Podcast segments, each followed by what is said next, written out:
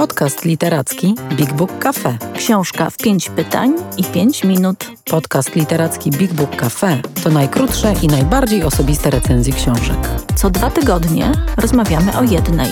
Pytamy wprost, a odpowiadamy szybko I szczerze. Odcinek 13. Witajcie w 13 odcinku podcastu literackiego Big Book Cafe. Książka w 5 pytań i 5 minut. Dzisiaj robimy to, czego z powodu pandemii właściwie no nie da się zrobić. Podróżujemy daleko. Do Afryki.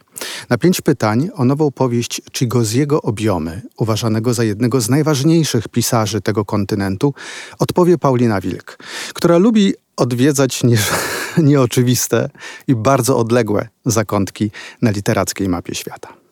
A pytania zada Bartek Kamiński, który tej książki jeszcze nie czytał, ale autora dobrze zna, bo to laureat wielkich światowych nagród. No i Bartek zna się bardzo dobrze na literaturze anglojęzycznej, a właśnie w tym języku tworzy obioma.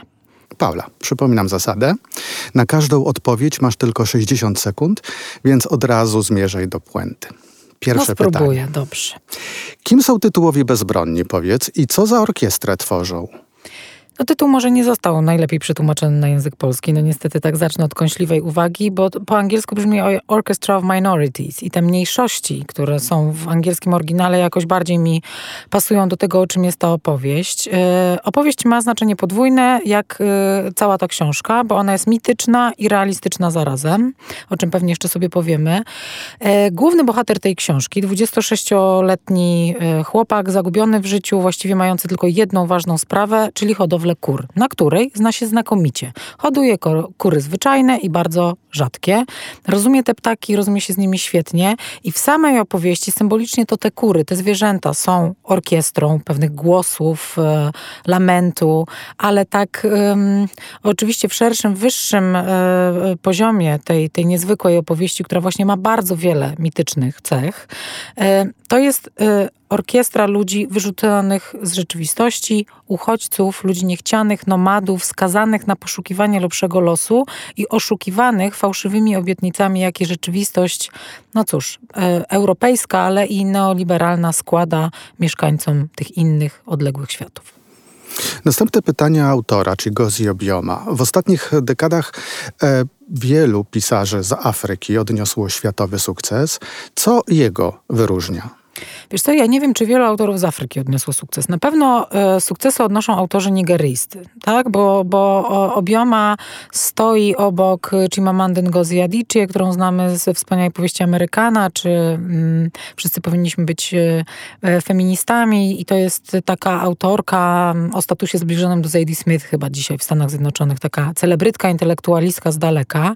E, no i jest też e, Ayobami Adebayo, którą e, gościliśmy na, na Big Book Festival i teraz to wszystko są autorzy reprezentujący bardzo wyrafinowaną kulturę. Pamiętajmy, że Nigeria nie jest, y, powiedziałabym, y, typowym afrykańskim krajem, jeżeli chodzi o, o to, że dysponuje naprawdę potężnym takim zapleczem intelektualnych elit, świetnie wykształconych autorów. To wszystko ci autorzy, i oczywiście obioma również, to są ludzie wykształceni na zachodzie. To są e, ludzie po świetnych uczelniach. I obioma miał niebywałe szczęście. Jest jednym z dwanaściorga dzieci, które otrzymało wykształcenie i on dzisiaj mieszka w Nebrasce i wykłada creative writing. Jest profesorem tej bardzo cenionej w Stanach sztuki. Także wyróżnia go na pewno to, że potrafi łączyć sferę duchową i mityczną afrykańskich kultur i kultur Igbo z uniwersalnymi tematami współczesności, tematami naprawdę wielkimi.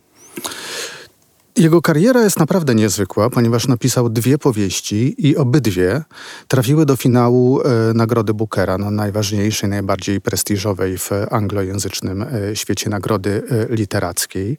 E, powiedz, na czym Twoim zdaniem e, ten sukces tego pisarza się zasadza? Czy to tylko zasługa jego talentu literackiego, pióra, czy może też tematów, które podejmuje Wiesz myślę, że przede wszystkim pióra, e, oczywiście, dlatego że jego pierwsza powieść Rybacy to była taka opowieść o trzech e, braciach e, uwspółcześniony mit o Kainie i Ablu, zanurzony w bardzo specyficznej duchowości i kulturze ludu Igbo, e, nigeryjskiego.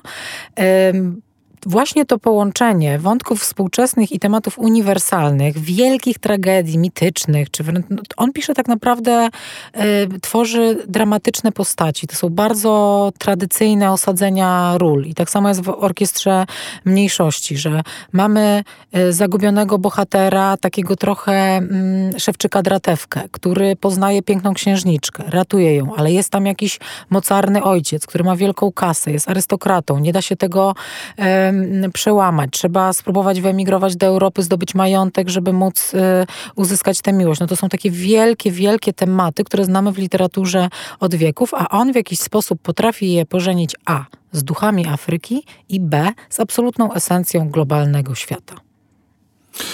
A powiedz, czy mm, mamy jakiś szerszy kontekst w tych e, opowieściach, powieściach Chigoziego Obiomy? Czy to są tylko jakby indywidualne losy? Innymi słowy, czy dowiadujemy się coś, czegoś o współczesnej Afryce? Absolutnie, szczególnie z Orkiestry Bezbronnych, bo to jest opowieść o współczesnym Odysie. O mężczyźnie, który, aby w ogóle móc myśleć o realizacji swoich marzeń, e, zawierza staremu niby przyjacielowi, e, sprzedaje wszystko, co ma, pakuje się w dwie torby i jedzie do Europy. I co? I Europa w cudzysłowie Europa. No, Europa składa mu fałszywą obietnicę. Ten mężczyzna ląduje z niczym.